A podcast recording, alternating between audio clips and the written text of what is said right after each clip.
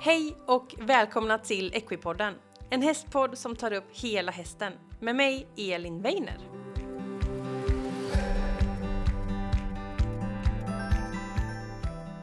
Varmt välkommen till ett nytt avsnitt av Equipodden.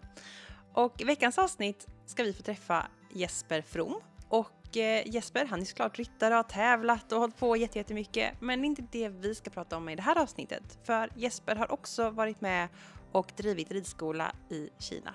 Och det är så häftigt att få höra lite kulturskillnader, hur hästhållningen är, hur man gör affärer, import, export av häst. Alltså det är så spännande.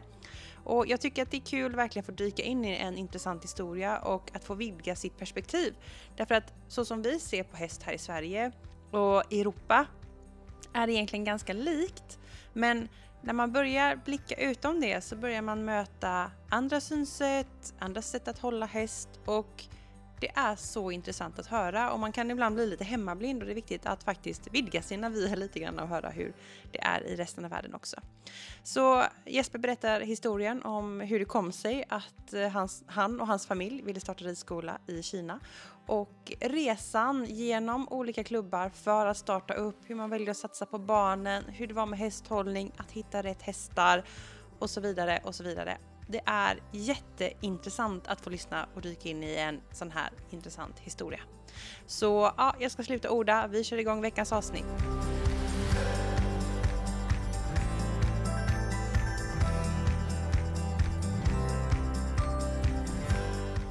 Då vill jag hälsa välkommen Jesper From. Hej Jesper! Tack så mycket, hej! Välkommen! Tackar, tackar! Och vi träffas ju, eh, du är egentligen väldigt nära vän med min eh, sambo. Eller fästman får vi säga nu för tiden. Precis, Ja. precis. Gammal vän till Anton. Jajamän. Du har ju haft han ute i stallet och han har fått ta in och ut hästar och grejer. Det har han fått göra. Ja, absolut. Det är bra, han var lite grundtränad innan jag träffade honom i Ja. stalllivet. Ja, vad roligt. Mm. Och ja, nu har vi avslöjat då att du är ju, håller på lite med hästar. Ja. Men vi har ett tema på dagens avsnitt. Och Stämmer. det är ju, ja vad ska vi säga, hästar i Kina. Ridning, Mm. ridskola i Kina. Skulle vi kunna kalla det. Ja. Ja. Så det ska bli väldigt spännande att ta oss in i det här. Mm. Men eh, jag tänker att kan inte du presentera dig lite för lyssnarna och du berättar om vem du är? Mm. Absolut. Jag heter Jesper From. Jag kommer från Kungsbacka, Valda, strax söder om Göteborg. Mm. Eh, jag har vuxit upp i en hästfamilj kan man säga. Ja. Med en mamma som eh, rider dressyr och utbildar hästar på heltid. Mm. Samt är B-tränare i dressyr. Jajamän. Lena From heter hon. Eh, så där kommer jag ifrån kan man säga. Ehm, Men ni bor ju på en jättefin, eller ni har ju en jättefin gård. Ja, precis. Skantefjäll i Valda. Mm. Där har hon sin verksamhet, min mamma. Eh, och det var väl där jag växte upp med alla dessa hästar. Ja. Eh, Det har varit några om åren va? ja, det har det. Det, har det. det började med, med ponnys egentligen i 6-7 års ålder. Jag och min Mm. bror som eh, raceade runt på den stora travbanan som finns på gården där. Eh, i full fart. och sen eh, blev det fler och fler ponnysar. Mm. Mamma ville gärna åt dressyrhållet. Ja. Så det blev eh, först dressyrponnyer men sen insåg hon ganska fort att det var hoppning som gällde för mig. Det brukar vara så va? Ja, så var det. Så var det. Hon var envis, men eh, så var det. Så det blev eh, hopptävling med två till tre ponnysar under hela den karriären till cirka 14 års ålder skulle jag Mm. säga. Mm. Upp till medelsvår B på D-ponny. Mm. Kul. Och sen, ja, sen växte jag rätt fort och blev lång så då blev det Ja, du är väldigt lång idag. storhäst vid 15 års ålder. Ja, det Debuterade jag det ganska Ja. tidigt. Ja. Ehm, och hade två, som mest tre på en gång. Mm. Det är Och tävlade varje helg. med Ja, skola och allt när man är ganska ung. det var det. Ja. Verkligen, verkligen. Ja. Det var ju alltid det här liksom att ta hand om och träna hästarna efter skolan. Det. Så var det under hela uppväxten egentligen. Så var det, så var det. Ehm, och på storhäst hoppade jag upp till 1,30 nivå. Mm. Höll på aktivt med det fram till, vad kan det ha varit, 2017, 2018? Mm. Någonstans där. Ehm, jag insåg att det fanns väldigt mycket andra grejer jag ville göra här i Annat världen. till. Va? Vadå, utanför stallet menar du nu eller? Ja, Oj, ja. vad konstigt. Precis, precis. Så det var väl egentligen då tävlingskarriären saktade ner. Mm. Eh, fortsatt rida, mindre och mindre idag. Mm. Eh, men det händer fortfarande. Jag Ja. hjälper mamma med hennes hästar. Ja. Så är det. Så det är lite om mig. Ja. Ja, men det är ändå liksom att eh, ni har, alltså det finns ju hästar liksom. Så den dagen det kliar i fingrarna så finns det något att sitta på, eller Ja, absolut, Ja. absolut. Ibland rider jag på mammas gamla Grand Prix-häst fortfarande. Det är väl ändå skön. roligt. Ja, Ja. så det är kul. ja, så just är nu lite mindre. Men ändå, eh, Precis, vem vet? Det kanske blir ja, mer det kanske kommer. sen igen. Men det är också sådär, när man har det ändå så nära så är man ju fortfarande i det lite på Ja, ja, ja, sätt, liksom. ja, ja. Jag tar in och ut hästar varje dag Ja, det är så, fortfarande. Så, det, det är fortfarande mycket hästhållning och, och så. Ja, Så är precis. Så är det. Ja, men Anton har ju sagt, han har ju vuxit upp med dig. Ni, ni lärde känna varandra när ni var, jag vet inte hur små, men ganska små. Ganska svårt. Eh, och liksom sådär att in, när man var hos Jesper, så innan man skulle äta middag, då skulle man ut i stallet. då var det Så alltid var det. något att göra. Så var det. Så det är bra, Ja. man får lära sig. Ja.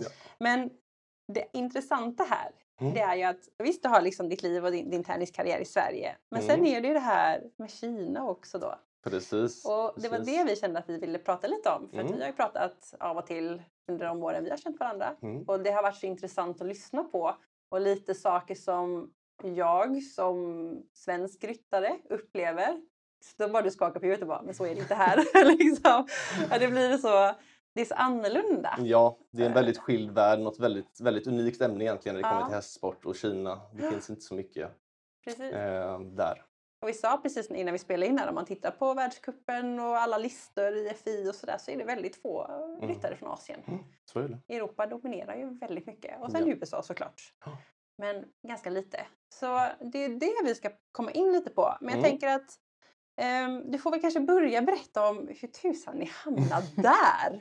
Ja, hur hamnade vi i Kina egentligen? Ja. Eh, det hela började egentligen med min helt hästointresserade far. Ja. Eller ja, helt hästointresserad ska jag inte säga, men han kommer inte från hästbakgrund. Nej. Eh, utan han kommer från business, skor, egentligen import av skor, Mm. människoskor. Mm.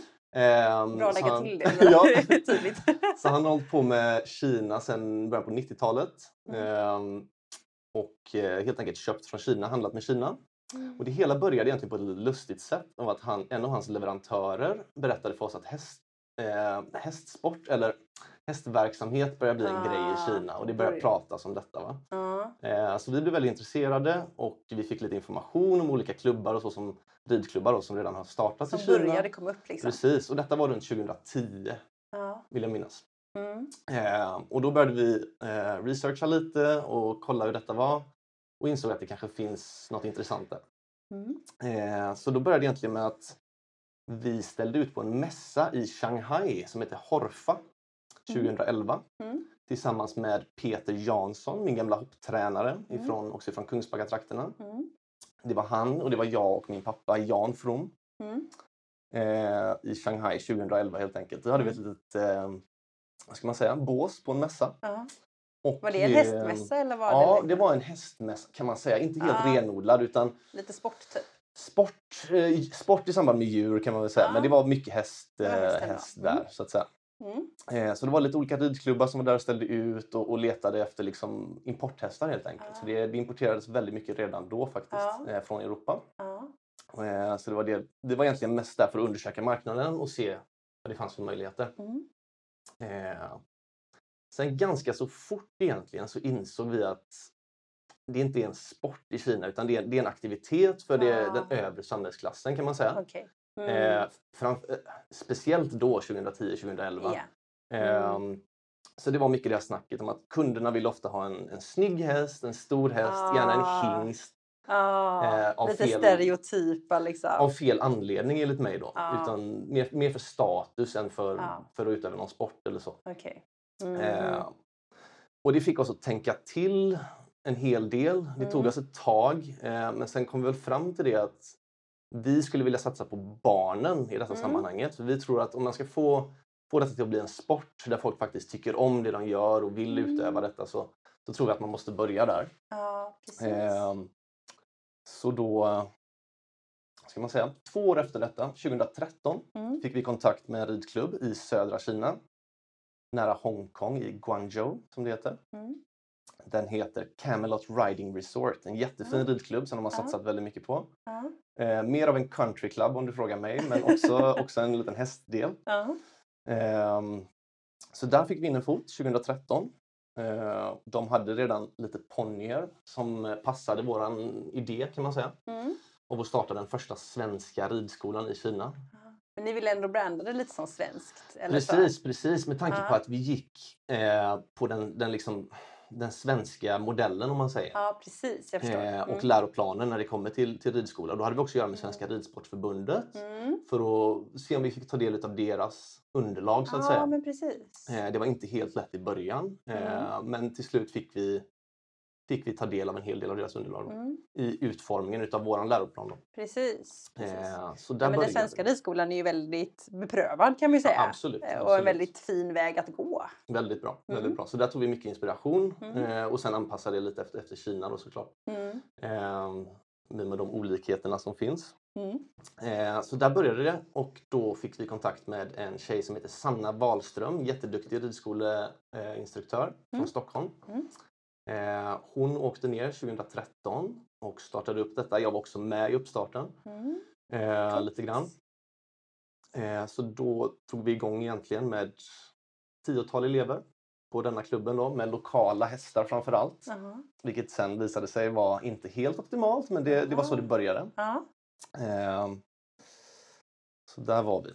2013, precis. Mm. Sen höll vi väl på där i cirka två år.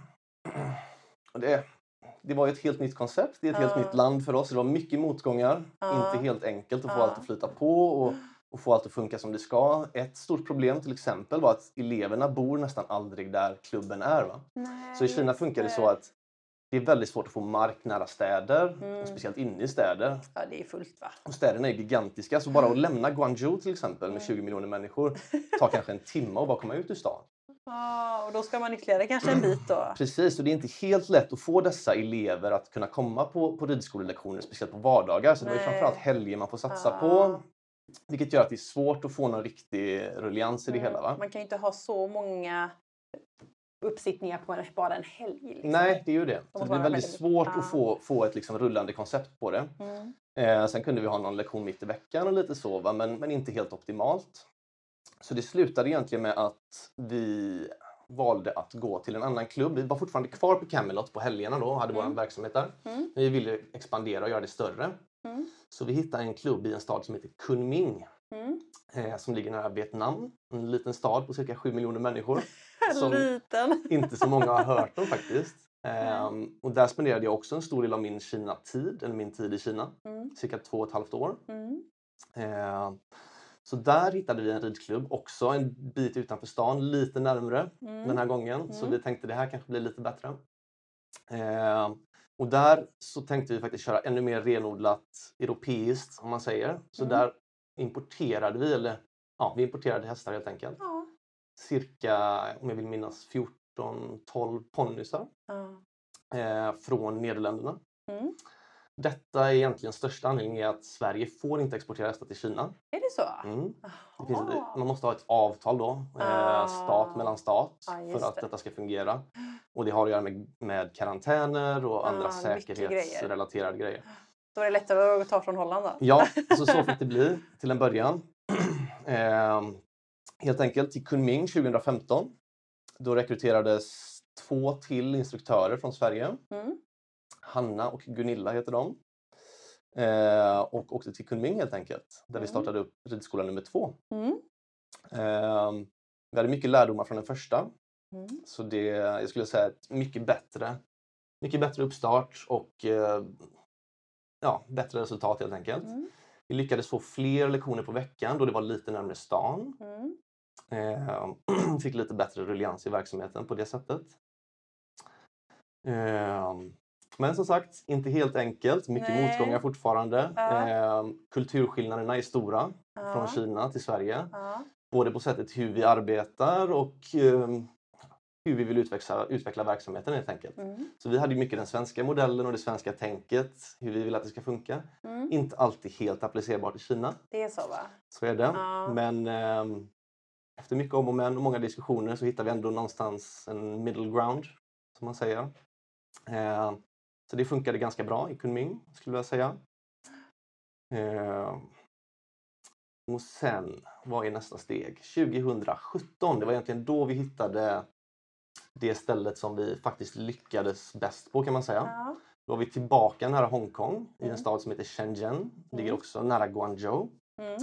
Också eh, 20 miljoner personer som bor där. Det brukar kallas för Kinas Silicon Valley. Jaha. En väldigt högteknologisk ny stad kan man säga.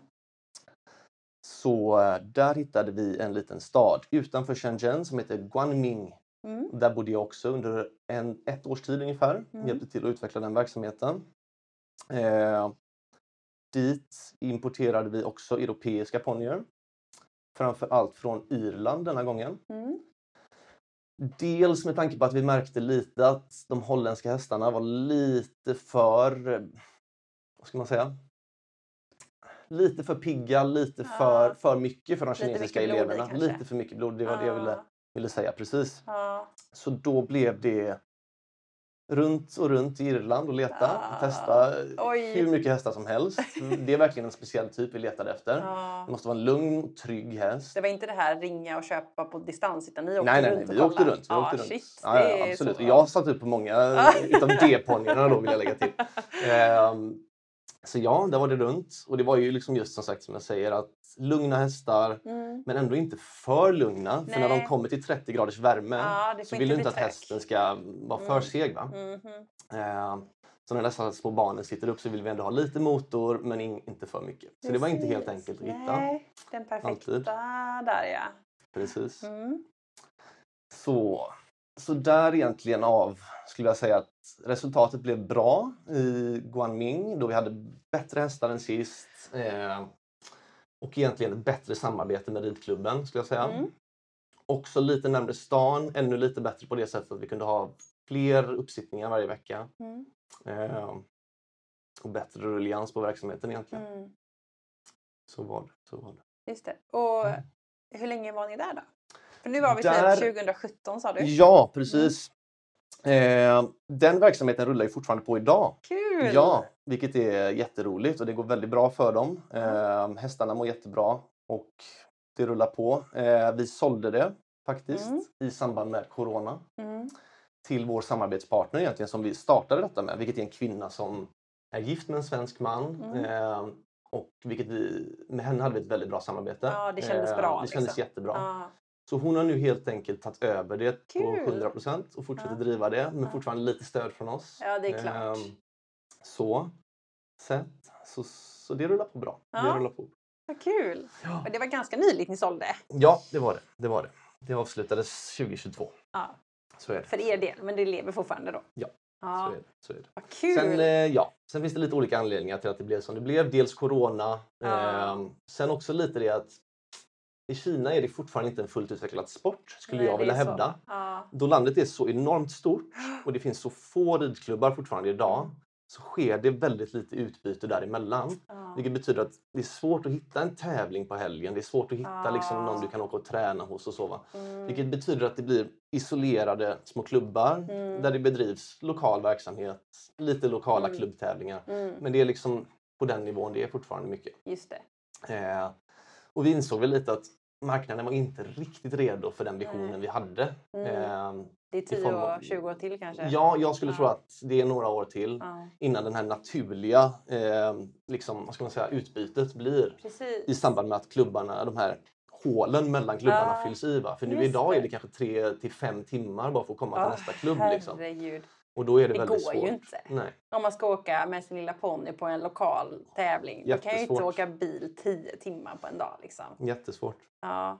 Nej, men Så man, det, man mm, tar ofta det för givet lite. För vi pratade lite innan här att det här, alltså i Sverige är det verkligen en folksport. Varenda liten, det säger jag flicka då, men även pojkar vill ju rida. mm, Man vill det och Verkligen. man växer upp med det. Mm. Och gör man inte det så är det svårt att skapa kanske. Det tar ju lite tid. Ja, Och vi har ju tränare, vi har anläggningar och nätverk med tävlingar. Så det är ju väldigt, väldigt stort. det, det behövs den grunden för att det ska bli en ordentlig sport av det tror Mm. jag. Och det är precis som du säger, när jag var yngre då kunde jag hitta liksom, tio tävlingar inom en halvtimme. Ja, och liksom, det, det, åt det hållet i alla fall Ja. som Kina behöver komma innan, Precis. innan, man vill göra, innan man kan göra det jag vill göra. Så att säga. Just det. Ja, då får vi Så se. Det kanske blir en bi continue då. Det är mycket möjligt. Ja. Det är mycket möjligt. Ja. För du kan ju ändå språket och Ja. vi ska prata lite här om en stund med de här lite sederna och business, liksom Mm, hur mm. man gör det. Absolut. Eh, för det är ju också väldigt annorlunda kultur mot vad det är i ja, men Europa eller USA. Där är ju, vi ha, agerar ju lite lika. Ja, ja. Men jag tänkte jag skulle stanna upp lite grann där, för du sa att eh, ni mötte på många svårigheter eller Mm. att det var lite motgångar. Kan du inte Ja. ge några exempel? Berätta lite om det. Ja, alltså den första chocken för mig egentligen var ju redan 2011 tror jag. Jag var 17 år gammal och åkte till en stad som heter Chengdu i mitten av Kina. Mm. Detta var väldigt snart efter den här mässan jag berättade om. Mm. Eh, och vi fick redan kontakt med lite potentiella kunder eller ridklubbar som vi ville liksom, ja, vi ville kolla läget. Mm. Så jag åkte till Chengdu och var på två olika ridklubbar. Mm. Första stället jag kom till så var jag rent av skrämd. Det var en Ah. skräckupplevelse att komma in i Oj. det stallet och se hästhållningen alltså. Ja, Det var hästar som stod på betong utan strö. bara betong. Betong, ja. Oj. Mm. Eh, alltså helt galet. Och det första, min första reaktion var att bli förbannad på folket och skälla Ah. ut dem. Vad är, Eh, ja, jag fattar. Men jag insåg ganska snart att man kommer liksom ingenstans. Nej. För dels har jag ingen makt i att, i att göra någonting, faktiskt ändra någonting. Mm. Eh, och de var rent av chockade av min reaktion också, för de förstod Ja. inte riktigt. Nej, de visste Ehm, inte kanske. Och då insåg jag liksom att detta är inte utav snålhet eller elakhet eller, eller, eller så, utan detta är bara oförståelse Ja. eller kulturell skillnad. Eller Ja, vad ska man säga? De förstod helt enkelt inte hur man ska ta hand om en häst. nej. De gör som de Ehm, alltid har gjort typ. Precis, Mm. precis. Och sen är det ju väldigt nytt. Jag menar, de har ju bara haft liksom mongolhästar där innan, alltså små arbetshästar och så. Ja. När det kommer till sporthästar och bygga upp ett helt nytt stall och sen så vet de inte hur man tar hand om det helt enkelt. Mm. Så det var Nej, det, det är väldigt annorlunda såklart. mycket det jag såg. Väldigt svårt att se då jag älskar djur själv och aldrig skulle Mm. låta mina hästar ha det så överhuvudtaget. Så det var, det var väldigt svårt. Eh, sen insåg jag väl ganska fort som jag sa att det är bättre egentligen att försöka utbilda dem Mm. och, och lära dem hur det ska vara. Mm. För resurserna finns där. Det har Mm. inte med det att göra. Mm. Eh, utan det är ren, ren okunskap egentligen. Ah, Okej. Så ganska fort så fick jag mycket respekt från dem egentligen för att jag visade dem hur man ska göra det. Mm. Och det, de flesta tog faktiskt åt sig av det. Mm. Måste jag säga. Sen, sen finns det mer än en klubb jag rent av har vägrat att samarbeta med och åkt därifrån. Ah, Okej, Då jag känner att detta är liksom Det inte okej inte. och det kommer inte bli någon skillnad. ja just det. Eh, Det måste vara jobbigt att känna att man vill göra en skillnad och behöva lämna. precis, precis. Mm. Det var det. Men första reaktionen där var att gå ut och rycka massa vass och försöka in, lägga in i den här boxen till den här stackars hästen. Det var faktiskt det första jag gjorde. Så, ja, De måste ju tyckt du var en jättekonstig filur. Ja, det tyckte de. Så det var väl den första motgången egentligen. Eh, sen egentligen det, det största egentligen, vår största utmaning i Kina är ju den kulturella skillnaden Mm. och skillnaden i affärskulturen, Mm. hur man gör business helt enkelt. Mm. I Sverige, om vi sätter oss ner och vi kommer överens om någonting och vi skakar hand om det, Mm. då tänker vi att det här gäller, det här Ja. kör vi på. Vi är så naiva och glada. Ja, nu har vi det- sagt att vi ska göra så här. Väldigt seriösa på den fronten skulle jag säga. Ja. I Kina är det lite mer fluid, att det är inte alltid så det blir. Okej. Eh, Ja. Sen vad det beror på, det, det är av olika anledningar. Men, men vi kom fram till det att du kan inte alltid räkna med det som är sagt. Mm. Eh, det kan ändra sig från dag till dag. De är väldigt vad ska man säga, de är väldigt snabba och effektiva på att göra förändring där borta. Mm. Men det kan också ställa till det lite om saker och ting ändrar sig från dag till dag i en verksamhet som till exempel en ridskola, vilket du säkert förstår. Ja, jag kan se det. Ja, när du säger det. Så. Ja, Jag tänkte, först tänkte jag så här, men förändring är bra, utveckling är bra. Sen så här, varje dag, sen med Mm. hästar, största vanedjuren i världen. Liksom. Okej. Ja, nej, men när, när verksamhetschefen kommer och säger jag tycker vi ska lägga upp träningen på det här sättet. Och, "Ja, men nu har vi redan planerat den här veckan hur det ska gå till. Va? Så, det, så det, det är lite sådana grejer. Va? Mm. Ehm, men det, det brukade reda ut sig i slutändan. Speciellt på Guanming där vi hamnade sist. Det var stor anledning till att det gick så bra där. Då Mm. Just samarbetet funkade blev- väldigt ja. bra mellan oss och klubben. Vi fick väldigt fria tyglar i hur vi ville lägga upp all planering Mm. och, och allt sånt. Va? Mm. Ehm, de insåg att vi ändå hade koll på detta och använde vår kunskap som en resurs Mm, snarare än att se oss. fint. Ja. Vilket vi märkte på andra ridklubbar kunde ibland göra lite ont i chefens ögon att, att lyssna på oss. Eh, så, Ja. det, så det var mm, lite de kulturella Mm, utmaningarna helt Mm. enkelt. Ehm, sen är det inte helt enkelt att, att göra business i Kina överhuvudtaget. Du får inte äga land i Kina utan allting ägs av regeringen. Så du måste ha bra kontakter och bra eh, de som driver klubben måste helt enkelt ha ett bra samarbete med, med kommunen för att ens få driva verksamheten. Mm. Eh, och sen är det också sådana svårigheter som att importera hästar dit och sen har de i karantän i Kina. Ja. Det är också en utmaning i sig. Mm. Eh, då det finns väldigt få platser och landet är väldigt stort Mm. så är det alltid en logis, logistisk eh, utmaning att kunna få det att fungera med. Mm. Så när vi, när vi skickar dit hästar då till exempel så, så står de i karantän i Holland i en månad.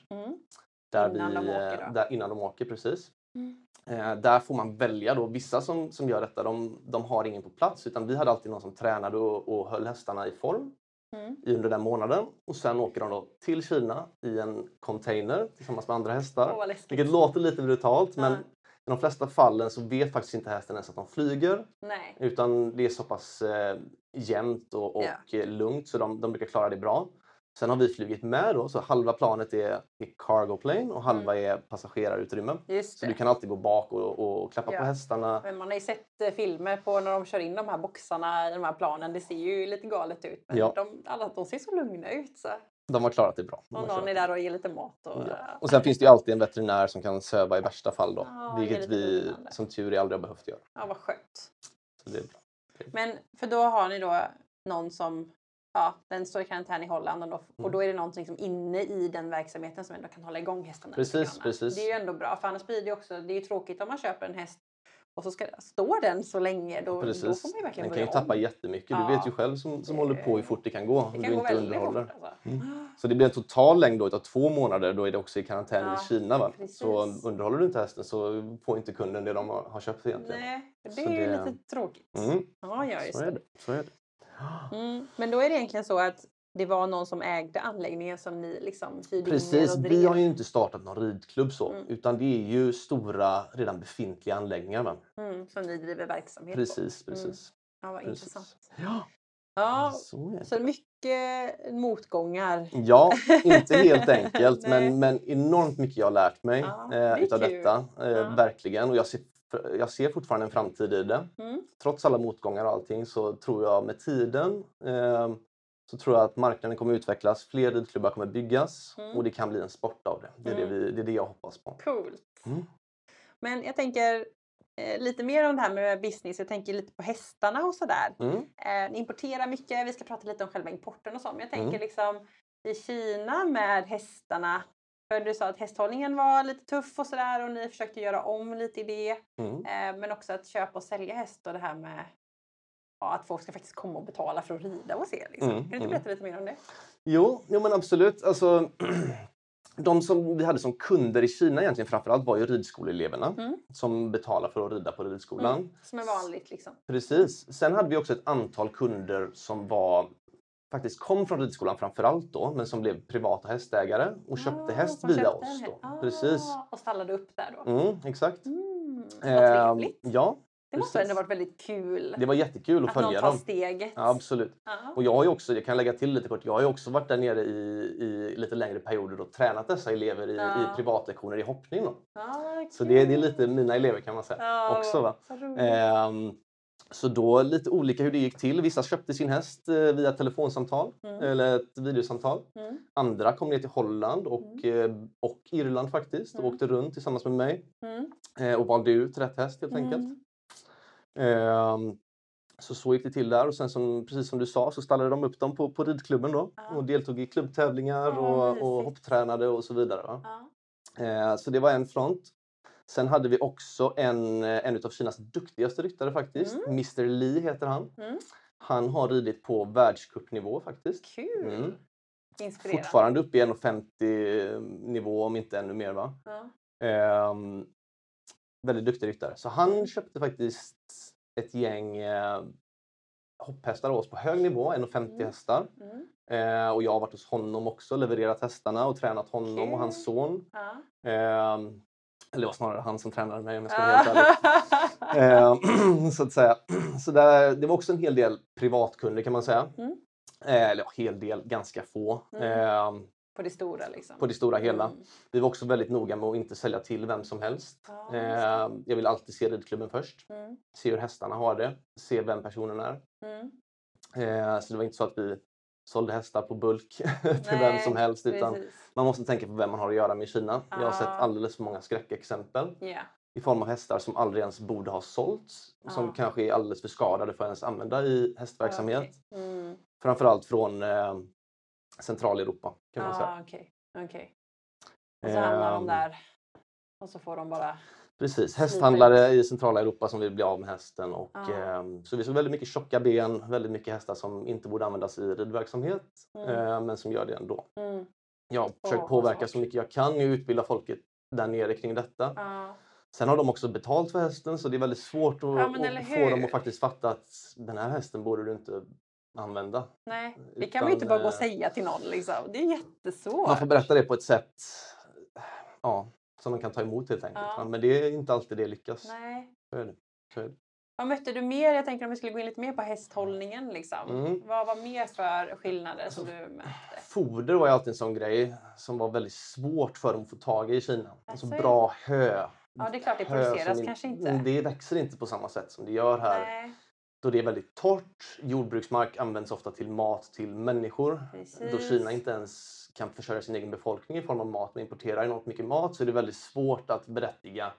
Ja, just det. Nu eh, ska vi odla till odla gräs. djuren här. Liksom. Precis. Så Ja. det mesta utav eh, höet och ensilaget kommer från inre Mongoliet eller Mongoliet, alltså Jaha. norra delen Ja.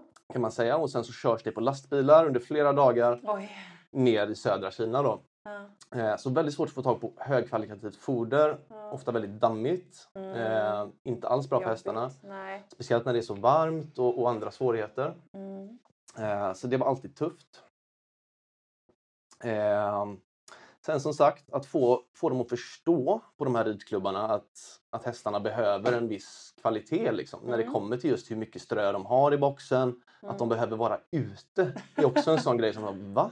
Vadå ut? Vadå? Nej men du vet. Ja, så ehm, jag har många gånger gått runt och byggt hagar i paddockar och andra Ah. utrymmen som jag har försökt allokera stora fina gräsmattor på de här countryklubbarna Ah. som användes till ingenting. Nej, just det. Det skulle bara vara snyggt. Har jag Ah. ofta försökt sätta i eh, bruk eh, för att få dem att förstå att hästarna behöver vara ute. De, Mm. de kommer inte alltid må så här bra om inte ni fortsätter ta hand om dem. Så Vissa viktigt. hade uppfattningen att det är som en moped, du kan ställa i ett garage och sen funkar den igen om sex månader. Va? ja precis. Lite, Nej, det lite, det, det är såklart en överdrift men lite den mentaliteten Ja. fanns. Ja. Ehm, så det, det är något jag höll på med dag ut och dag in under hela min tid i Kina och Mm. försöka förbättra helt enkelt. Mm. Så ja. Men eh, ja, jag förstår ju att arbetet är ju mycket kvar att göra men jag tänker det arbetet som Alltså Kina är ju så stort men det man gjorde på ert lilla ställe liksom, kände du att det kunde sprida sig eller att folk tog efter eller, Absolut, eller var det lokalt? För hästvärlden skulle jag nästan vilja hävda är ännu mindre i Kina än vad Det den är i? Sverige. Ja, okej. Ja. Det känns ändå som att det är himla liten i Sverige. Ja, nej men vi har ju enormt många som håller på med det Ja, här. det. Ehm, Så när du är på de här mässorna i Shanghai eller Peking så träffar du samma människor. Det är så va? Ja. Jag har varit på de flesta nämnvärda ridklubbarna i landet kan man säga. Mm. Runt nästan 40 städer har vi besökt, eh, olika ridklubbar. då. Mm. Så man har ju koll på dem och de har koll på varandra. Mm. Så ordet har ju spridits. De flesta vet vad Hayfields Equestrian är, som är Mm. bolaget som vi sålde dem. Mm. Och Hayfields Riding School. Så det, det är absolut många som vet. Vi har sett försök till eh, uppstart av liknande koncept. Kul! Ehm, ändå. Det måste Ja, men det, det är bara roligt att Ja. folk tar, tar inspiration och satsar på barnen och försöker Ja. göra det till en sport. Ja, För det, det gynnar oss alla eh, i längden, ja verkligen. tror jag. Ja. Nej, men det är en jäkla skillnad om man är någon eh, värsting där som ska rida på den där svarta hingsten en gång eh, i månaden. Precis, precis. Så det, ja. Precis. I början ville de gärna köpa häst av fel syfte. Va? Ja, Så det, det gäller att, att styra in dem på, på faktiskt sport och verksamhet. Just det. Precis. Jag tänkte vi skulle gå in lite mer på det här med eh, import och export också. Mhm. Eh, för att eh, vi kan ju prata lite allmänt för ni, eh, du och din familj har ju hjälpt till och sålt jättemycket hästar till höger och vänster i, i typ hela världen kan man väl nästan Mm. säga. Mm. Eh, och det kan vara så svårt att sälja och köpa häst. Och det är bara Mm. så här, det, det är svårt att göra det när man ska åka två timmar och titta i grannstan liksom. Ja, absolut. Och så ska hästen åka. Mm. Kan inte du berätta lite, alltså, du kan ju inrikta dig till Kina om du vill, men generellt liksom, hur, Mm. hur går liksom förloppet till? Ja, men det hela börjar väl någonstans med eh, att någon söker en specifik häst, Mm. kan man väl säga. Eh, kunden vill ha någonting, eh, till exempel en hopphäst i de flesta fallen för min del då. Mm. Min mamma säljer som sagt en hel del dressyrhästar. Ja. Men du håller dig till Ehm, hoppningen? Ja, ja. Så det går ju först ut på att eh, ta reda på vad kunden behöver, Mm. vad kunden vill ha. Mm. Det de säger till mig är oftast inte det vi kommer fram till att de, de ska ha. Ja. Ehm, så. Så, så brukar det vara. Ofta är frågan eh, från Kina då, Mm. de vill ha en ung häst. Mm. De tänker att de får mycket valuta för sina pengar, att de kan ha hästen länge, att hästen har en lång framtid och så. Va? Vilket som du säkert som du vet inte Mm. alltid passar en ung människa med Nej. begränsad eh, eh, erfarenhet. Nej. Så det slutar ofta med att vi styr in dem någonstans på 8-10 år plus eh, för att vara lite trygga och inte ha en ung häst. Ja. Eh, vi försöker alltid gå ifrån det. Det är lite risky där när de är för små. Precis. Vad det kan bli. Precis. Så lite urvalsprocessen där. Sen eh, kontaktar jag mina kontakter helt enkelt. Mm. I både Holland, Irland, eh, överallt egentligen. Mm. Om den ska till Kina då, som det är i de flesta fallen för min del. Mm. Eh, annars kan vi även kolla i Sverige som sagt. Mm. Eh, och sen helt enkelt så bjuder jag hit kunden. Mm. I de flesta fallen har de faktiskt kommit hit från Mm. Kina och eh, då bokar vi en liten eh, halv vecka nere i Holland till exempel med lite hotellvistelser och eh, besök på olika ridklubbar. Mm. Eh, så då tar jag hand om dem, åker runt där, visar ett tiotal hästar brukar det vara. Ja. Eh, och försöker hitta något som passar bra. När vi har hittat någonting eh, som de vill ha helt enkelt så genomförs affären. Mm. Och ska hästen till Kina så behöver den som sagt in i karantän först. Just det. Och då är det en månad som gäller i Holland. Jag tror det är lite mer i Irland om jag inte minns fel. Mm. Eh, men någonting sånt. Eh, och då står hästen på en liten anläggning eh, där det ofta finns begränsade möjligheter till att underhålla dem. Det kan finnas en liten paddock på 20-40 men oftast, oftast ganska Ah. begränsat. Så det är svårt att hålla hästen i topptrim där inne. Mm. Och då får inte vem som helst heller komma och nej. liksom, utan det är precis, stängt. det är stängt. Mm. Så då har vi alltid haft en, någon som tränar hästen. Mm. Under den månaden och sen även samma person då flyger med hästen Är det så? mm. Ja. eller hästarna. ja, Så vi har haft en person kan ibland ta hand om tre eller fyra hästar där inne. precis. Och då får man ju en relation också till den personen Precis. så hästarna kan känna sig lite trygga. Ja men precis, Mm. det brukar, brukar vara väldigt bra faktiskt. Mm. För sen blir det en väldigt stor förändring för dem när de går Ja, på planet eh, och flyger dit de ska. Som sagt, Kina i de flesta fallen för mig. Mamma har skickat en hel del till USA och andra länder. Mm. Eh, men jag kan bara prata för mig. va. Mm. Eh, Så då flyger de. Och eh, helt enkelt tre hästar i en 40 fots container uppdelade i relativt stora hästboxar kan man säga. Mm. Som kan ändå röra sig. De rör sig bra och fritt där inne. Ja. Och sen flyger de ju på ett, på ett jumbojet liksom. Så Ja. det, i de flesta fallen så, så märker de inte ens av att någonting Nej, händer. Eh, jag ser ingen reaktion när man lyfter eller så. Inte ens då? För jag tänker när vi lyfter, det kittlar ändå lite i Mm. magen. Eller för mig kittlar det mycket i magen. Mm. Nej, de, de brukar inte reagera faktiskt. Är det så? Nej, de Ah, brukar stå och käka. Ja, i och för sig. Mat är ju gött va? Så, så, är det, så är det. Och sen som sagt, eh, personen som flyger med dem kan alltid gå bak och kolla hur de har det och allt så. Mm. Eh, sen landar de i Kina. Och där är det ofta ännu tuffare för där snackar vi ganska få anläggningar som har blivit godkända av kinesiska regeringen att hålla eh, karantän. Mm. Och de är ofta väldigt dåligt utrustade, Mm. långt ut på vischan. Ja. Eh, så, så inte helt enkelt utan ibland finns det bara ett litet gräsfält liksom. Okej. Men man får göra det man kan. Mm. Eh, försöka hålla, hålla musklerna. Eh, så att de inte liksom tappar för mycket. Precis. Mm. Eh, så så är det. Och sen helt enkelt eh, långa transporter över hela landet som också kan vara en, en Det, challenge. det är rätt tufft för dem ändå. Det är tufft. Där har jag varit med några gånger och det är inte alltid helt lätt att få de här lastbilschaufförerna som inte är hästmänniskor att Nej. förstå att man behöver stanna ibland. Ja. Speciellt när man ska åka i tre dygn Ej, över ja. landet. Att Då vill de hästarna- bara köra, Då eller vill de bara köra. Ja. Eh, så jag har ju fått, liksom, när jag har åkt med där har jag fått säga nu stannar vi, ut med hästarna, beta lite, gå med dem och sen på igen. Ehm, så där är också lite så. Det gäller att vara med där och ha koll på sina Ah. hästar för att de ska ha en bra, liksom från, från stallet i Holland till stallet i Kina Mm. så gäller det att vara med. Alltså. Många... Ja, men det är ju en anledning till att vi har ju dedikerade hästchaufförer Mm. i Europa. Precis, De som precis. bara kör häst. Mm. Och De som kan ta hand om de hästarna. kan i... ju det. Även ifall de inte är hästpersoner så kan de ändå liksom leda in och på och av och Mm. på och kolla liksom. Mm, De gör ju mm. det. Eller så upplever jag i alla fall när jag varit med på sådana transporter. Liksom. Jag tycker att de Precis. ändå har lite koll. Jo, jo, men det gör de. Jo, jo. De kan ändå lasta på och av och det är ingen fara om något händer. Men Nej. jag, jag vet inte om jag hade litat på de här kinesiska chaufförerna i alla fall. Om en häst längst in får panik Ja. i lastbilen till exempel. Ja, det kan hända. Så det gäller att ha någon av sina, Någon man litar på. någon man litar på Mm. med där hela vägen. Just det. Skulle jag säga. Just det. Så, så, så går det väl till egentligen. Jag vet Mm. inte om det var något mer där du komma in på specifikt. Men jag tänker om man vill titta på en häst eller om man känner Mm. att man vill importera en häst. Liksom. Har Mm. du några tips att, som man ska Mm. göra? Alltså, generellt sett, eh, först och främst ta, ta kontakt med någon du litar på och känner, skulle Mm. vilja säga. Mm. Det är bra om du har en tränare. Jag, Mm. När jag letade häst, ponny som, som ung, så ville jag alltid liksom visa hästen för min tränare, min Ja. hopptränare. Och sa, tror du detta är någonting jag kan komma någonstans med? Mm. Eh, lite så, ha någon man, någon man litar med och någon som kan liksom säga ärligt till dig. Ja, Är detta någonting för dig? Liksom? Precis. Eh, Och ibland är det skönt att det kanske inte, när man är som barn, kanske inte ens förälder. Precis, precis. det kan vara bra att det är någon utomstående. jag tror det kan vara väldigt bra. Ja. Speciellt, framförallt din tränare för de, de vet ju ofta vad Ja. det är du vill och vad Ja. det är du, som passar dig. Ja, precis. Ehm, så där någonstans eh, börjar man väl. Ehm, sen, ja, vad mer ska man tänka på Elin?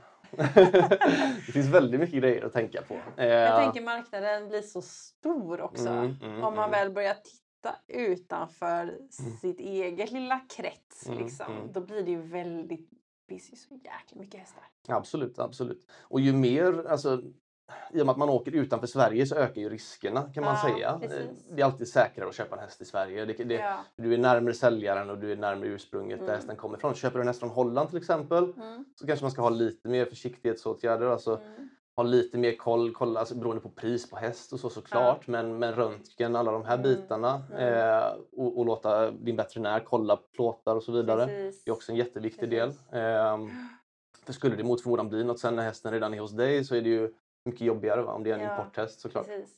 Jag har haft med Ehm. advokat i podden också. Vi pratade om det här och hon sa ju Mm. det liksom vilken lag ska gälla. Mm. Det blir så här, oj då, om jag köper en häst i ett annat land, Mm. är det mitt lands lag eller deras lands lag? Det är en jäkla skillnad. Hon sa också det att, man, att det var viktigt att ta ett blodprov. Mm. För det är så många som Ja, absolut.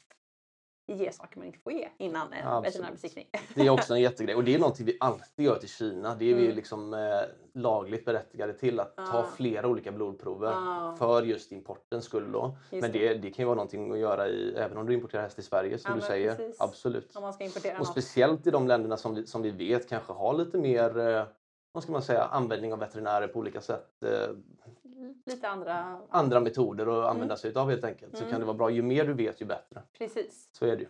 Precis. Jag tänkte också Så jag skulle fråga, för att ni valde att importera mycket hästar. Mm. Och det var ju, du sa ju det för att ni, här, ni visste ni lite grund och sådär. Mm. Men finns det avel också i Kina liksom? Mm. Osäker. Alltså det finns avel eh, av kinesiska, alltså domestikerade hästar. Vad kan man säga? De kommer egentligen från Mongoliet till en början. Ja. Man kan säga kraftiga maxade D-ponnyer av lite russtuk. Ja. Eh, kan man väl säga är de inhemska hästarna där borta. Mm.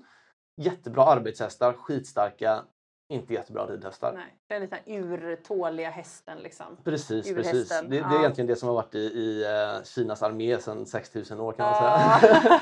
Så de är väldigt starka, väldigt bra men inte jättelämpade till, till den typen av ridning vi håller på med. Då.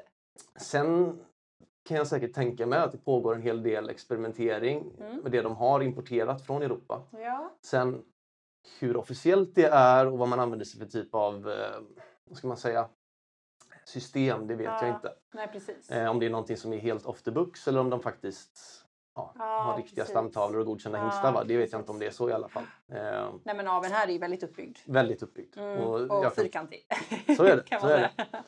Sen, sen kan jag tänka mig att det, det säkert kan hända att det är icke godkänd avel av Mm. alla möjliga slag där borta, Mm. om jag får gissa. Att det blir lite föl här och var. Precis. Det precis. blir det väl i och för sig i Sverige också ibland. Så är det. Så är det. Absolut. Absolut. Men vad intressant. Mm. Jag skulle vilja också gå in och prata lite om själva liksom ridningen. Mm. Jag tänker att ni satsade på barnen Mm. eh, just för att ni ville bygga lite underifrån. Och då var det lektioner. Mm. Vad- Kan du inte berätta lite om den här, liksom, vem var eleven som Mm. kom till er? Okej, jag kan egentligen börja lite tidigare än så. Mm. När jag kom till Kina först så insåg jag att fan vad många killar det är som rider. Är det så? Ja, det var jättekonstigt för mig. Jag tänkte oj, vad fan, det är mycket fler Coolt. killar än tjejer. Ja. Men jag insåg att de här killarna, det är de som jobbar på klubben. De som tar hand om hästarna och rider hästarna dagligen och Ah. Ja, håller dem i form. Va? Det är ofta Ah. killar och Ah. det är kopplat lite till en cowboy och machokultur faktiskt. Okej. Ja. Så i Kina är det liksom lite mer det är lite manligt, lite häftigt, lite coolt att kunna rida och liksom ta hand om en häst. Va? Det, det är liksom annorlunda på den fronten. Ja. För det är det Eh, egentligen. Det är ett stort djur att hantera ja, och tufft. Och, ja. Mm. Köper det. Ja, så, så det var lite häftigt att se faktiskt. Och det, sen, sen fanns det negativa sidor med den biten också. Och det är ofta att de ville vara häftiga och fräcka på sina hästar. Ah.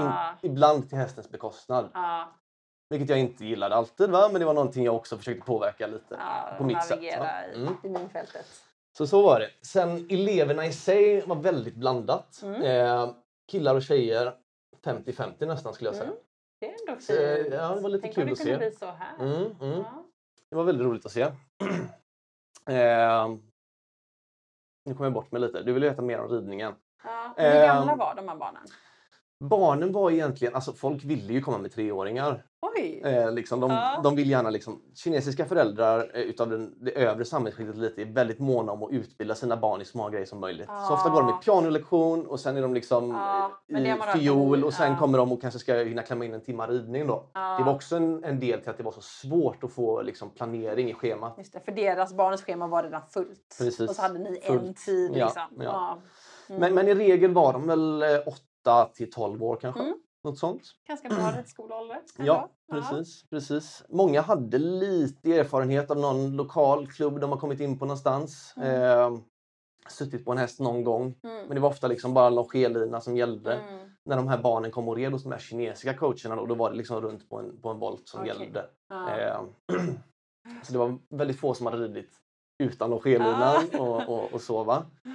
Alltså jag har sett typ Ehm. någon film när det är liksom typ som en skrittmaskin Mm. fast hästarna sitter fast Mm. vid en pinne så går, så går de Mm. runt, runt, runt så Mm. sitter det någon stackars barn på. Ja, ja. Det, jag har sett alla varianter kan jag Alltså, säga. Ibland ser det konstigt. helt livsfarligt ut eh, och ibland är det helt okej. Ja. Ehm, Det är inte så mycket till ridning. Nej, Det är åka häst kanske. Ja. precis. Mm. precis. Ehm, så på de här ridklubbarna vi höll på med då, så var det ju dels vår ridskola som höll på med de här barnen som red Mm. varje vecka. Cirka 45 minuters lektioner höll de. Mm. Eh, och sen var jag också där i perioder, till exempel i Mm. Guanming cirka ett år. Mm. Eh, där jag framförallt satsade på privateleverna då. Mm. Höll mycket ridlektioner, alltså hopplektioner. för de här barnen som hade köpt häst via oss då. Ja. Eh, så då red de för mig och så åkte vi runt på lite, jag hade lite utbyte med en annan klubb där också. Kul. Mm. Så då åkte vi en hel dag med en stor lastbil med mina elever ner till närmare Hongkong egentligen. Ja. Eh, och eh, hade utbyte med den klubben och tävlingar en hel, hel helg. Så det var lite roligt faktiskt, Ja. se dem hoppa där, Ja. mina små elever.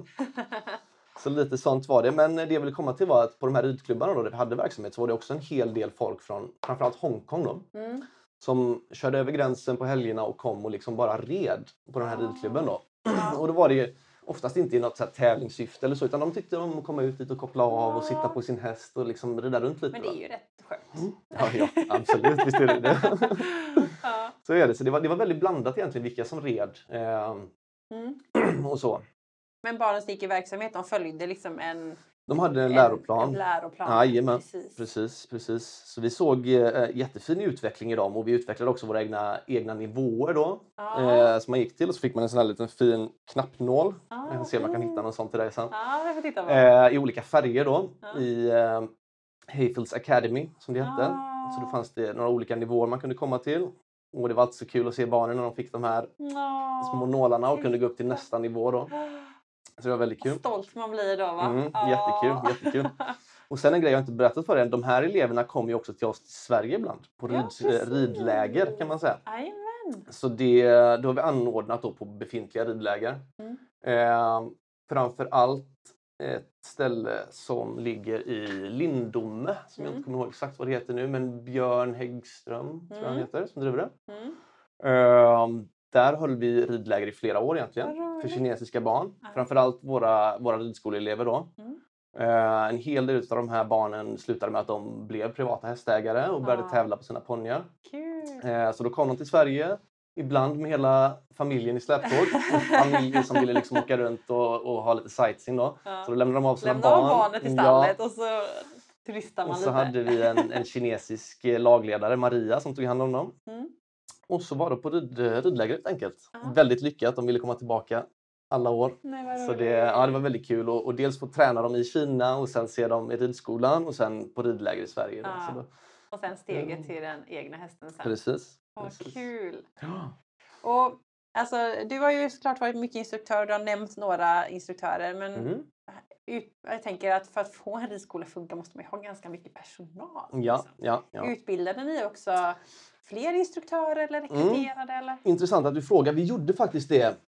Eh, det var ingenting vi gjorde till en början men Mm. i takt med att vi insåg att vi fick rätt folk och liksom hungriga unga människor då, Mm. så hade vi sista året två unga kinesiska killar faktiskt som blev utbildade instruktörer på första nivån då, alltså på Ja. basic-nivån i ridskolan. Ja. Ehm, så de lärde sig faktiskt att hålla lektioner, Kul. vilket var väldigt bra. Ja. Ehm, vi insåg att det, var rätt folk. Det var inte alltid helt lätt att hitta motiverade människor som ville liksom ta Nej, det steget. Ibland ville de bara göra sitt nischen. jobb, de ville mocka Ja. och sen ville de Ja. liksom ta in hästarna och gå hem. Mm. Men eh, vi hittade riktigt bra folk på slutet. Eh, utbildade också dem. och men det är som du säger, det behövs mycket personal. Vi hade ju Ja. folk som tog hand om hästarna varje dag. Alltså eh, två till tre personer på den sista klubben vi var på. Mm. Som skötte mockning, utsläpp och, och fodring och allt det här. Va? Det Så det är ju ett helt maskineri bakom liksom, såklart. Eh, och sen instruktörerna då. Mm. Sen hade vi också en veterinär på klubben som Mm. vi hade mycket hjälp av. Det är också en sån grej som är Mm. jättesvårt i Kina att få tag på bra veterinärer som kan hjälpa dig i rätt tid. Mm. Och så, så det är alltid viktigt. eh, Varje klubb där egentligen behöver en veterinär då det är så långt emellan. va. Mm. Eh, Så det var också en sån grej. Det var lite svårt ibland. Och så va. Men sen klubben i sig, klubbarna i Kina i regel har ofta cirka 20-30 anställda. Okej. Ofta, ofta nästan 90% män då. Ja, Eh, unga män som tar hand om, rider och, och sköter Ja. stället helt enkelt. just det. Rider typ mer eller mindre bra liksom, eller? Ja, alltså. Helt okej. Helt okej. Det- Det är ändå liksom ett arbete. Nivån, ja, jo, men det är det. det, är det. det. okej. Absolut. Absolut. Sen, sen var det lite det här cowboystuket som vi berättade om Ah. ibland. Va? Men eh, de hade, ju, de hade ju sin talang på sitt sätt. Ja. Eh, sen var det inte alltid den typen av ridning som jag önskade. Men, eh, men eh, de gjorde sitt bästa. Ja, vad gud vad intressant. Mm, mm. Ja, nej, men alltså det är mycket att tänka på liksom. Mm. Och nej, men just att, att hitta rätt personer. Alltså det är det som är det viktiga egentligen. Att man hittar någon som, just när, när jag förstår att ridningen och ridsporten är så liten där. Mm. Att hitta den där som även om den inte är så duktig än, som ändå vill. Det är Precis. ändå det, en nyckel tänker jag. Verkligen, verkligen. Ja, men så är det. Så är det. Ja, shit vad, vad coolt att få höra hela den här historien och mycket liksom lärdomar och tankar. Och, ja, ja. Det måste varit väldigt kul att få, få följa. Men ni har lite kontakt fortfarande? Ja, det har vi absolut. Vi Mm. har kontakt och vi assisterar dem fortfarande i, i driften av ridskolan. Mm. Ehm, så det gör vi. Det gör vi. Ehm, sen får vi se om det blir ehm, ett race till där nere så Ja. småningom. Ja, Ja. Jag tror det. Jag tror det. Det är ändå så här, du, du kan tänka dig att fortsätta? Absolut. Du är inte absolut. så här, för Nej. ibland när man träffar folk som har liksom gjort ett projekt utomlands så bara aldrig mer. Nej, känner nej jag så inte. känner jag inte. Det, det finns mycket motgångar vi hade i Kina men jag ser absolut en möjlighet och en Ja. framtid. Det tror jag. Sporten kommer bara växa. Landet importerar cirka 8 till 9 000 varmblod per år. Ja, det Eh, så det mycket är alltså. enorm ruljans Ja. på hästar. Det är Eh, ett sug. Det är det. Det finns ett sug. Ehm, och det är, liksom, det är en sport som jag tror eh, kan bli populär. Mm. Faktiskt. Kul! Mm. Ja, vi får väl se fortsättning följer på det. Mm. Men eh, Jesper, det här har ju varit jättespännande. Mm. Och eh, jag brukar alltid fråga om man tycker det är intressant, kan man komma i kontakt med dig på något sätt? Eller din Absolut. mamma kanske? Om man nu Absolut. känner så här, jag vill köpa häst. ja, det är klart jag kan hjälpa till med det. Ja, det ni hittar mig på sociala medier, medier Jesper From. ja, Det är bara att höra av er. ja, precis. Då får vi se vad som händer. Men ja, då får jag säga stort tack för att du ville vara med i Equipodden. Tack för att jag fick komma.